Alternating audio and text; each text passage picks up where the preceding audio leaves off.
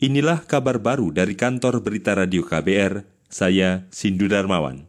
Saudara Lembaga Bantuan Hukum LBH Papua menilai penembakan yang diduga dilakukan aparat kepolisian terhadap tersangka dugaan tindak pidana kekerasan Jos Karel Rumbino alias Riko telah melanggar prosedur penyidikan dan penyelidikan perkara. Direktur LBH Papua Emmanuel Gobay mengatakan penggunaan senjata api seharusnya hanya dilakukan untuk tembakan peringatan atau upaya perlindungan apabila aparat dalam ancaman. Kesalahan prosedur sangat jelas ya. Pada prinsipnya kan atas diri Riko sebagai pelaku dalam tindak pidana itu dia dilindungi kan oleh asas praduga tak bersalah ya. Kemudian ketika ada fakta penembakan terhadap dia yang hanya karena dia mau melarikan diri dan atau karena dia mau menyerang aparat ya menurut versi aparat itu kan kita tahu bahwa dalam kebijakan kepolisian itu kan ada ketentuan menyangkut penggunaan senjata api toh. Direktur LBH Papua Emmanuel Gobay menuntut kepolisian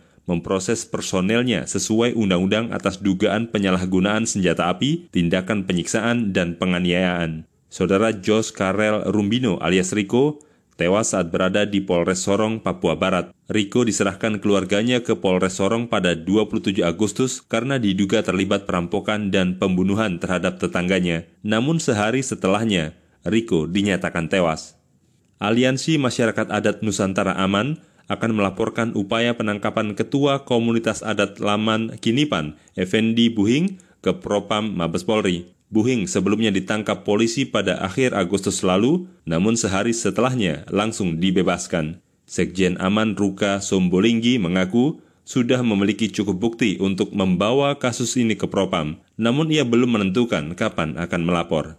Sekarang sampai ke depan tentu kita akan juga terus dampingi. Untuk Effendi Buhing akan segera kita akan melaporkan ke Mabes, ke Propam terkait proses penangkapan yang melampaui batas kewajaran itu. Jadi itu yang saat ini sedang kita lakukan. Itu tadi Sekjen Aman Ruka Sombolinggi. Saudara, akhir Agustus lalu, Effendi Buhing ditangkap paksa oleh polisi di rumahnya di Desa Kinipan, Kecamatan Batangkawa, Kabupaten Lamandau, Kalimantan Tengah. Kapolres Lamandau Titis Bangun melalui keterangan tertulisnya mengklaim penangkapan awalnya akan dilakukan dengan cara persuasif, negosiasi, dan menyampaikan surat tugas. Namun pihak keluarga dan warga menghalangi proses penangkapan tersebut sehingga dilakukan upaya paksa. Penangkapan terhadap Buhing dilakukan atas laporan mengenai dugaan tindak pidana pencurian dengan kekerasan. Namun Buhing kemudian dilepaskan sehari setelahnya.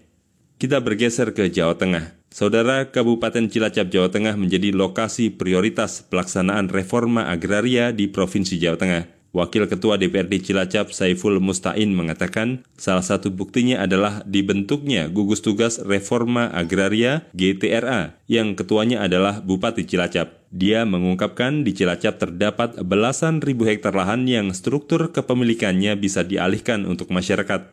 Salah satunya, ribuan hektar lahan timbul Laguna Segar Anakan yang berpotensi menjadi objek reforma agraria. Selain itu, di Pegunungan Cilacap, juga terdapat kawasan yang berpotensi menjadi tora. Itu kabupaten yang prioritas di Jawa Tengah dengan bukti dibentuk GTRA, Gugus Tugas Reforma Agraria, yang ketuanya adalah Pak Bupati. Ketua hariannya adalah Kepala ATR BPN. Ini prioritas menunjukkan Cilacap ini memang banyak potensi-potensi tanah yang struktur penguasaannya itu bisa dialihkan dari tadinya milik negara, dari tadinya milik badan usaha, itu kemudian dialihkan diberikan kepada warga masyarakat. Wakil Ketua DPRD Cilacap Saiful Mustain menjelaskan, sesuai Undang-Undang Pokok Reforma Agraria, lahan yang telah dikelola masyarakat setidaknya selama 22 tahun berhak diajukan kepemilikannya. Karena itu warga di Cilacap yang kebanyakan mulai mengelola tanah sejak era 1950 hingga 1980-an juga berhak mengajukan reforma agraria. Terlebih setelah Presiden menerbitkan perpres tentang reforma agraria. Demikian kabar baru dari kantor Berita Radio KBR, saya Sindu Darmawan.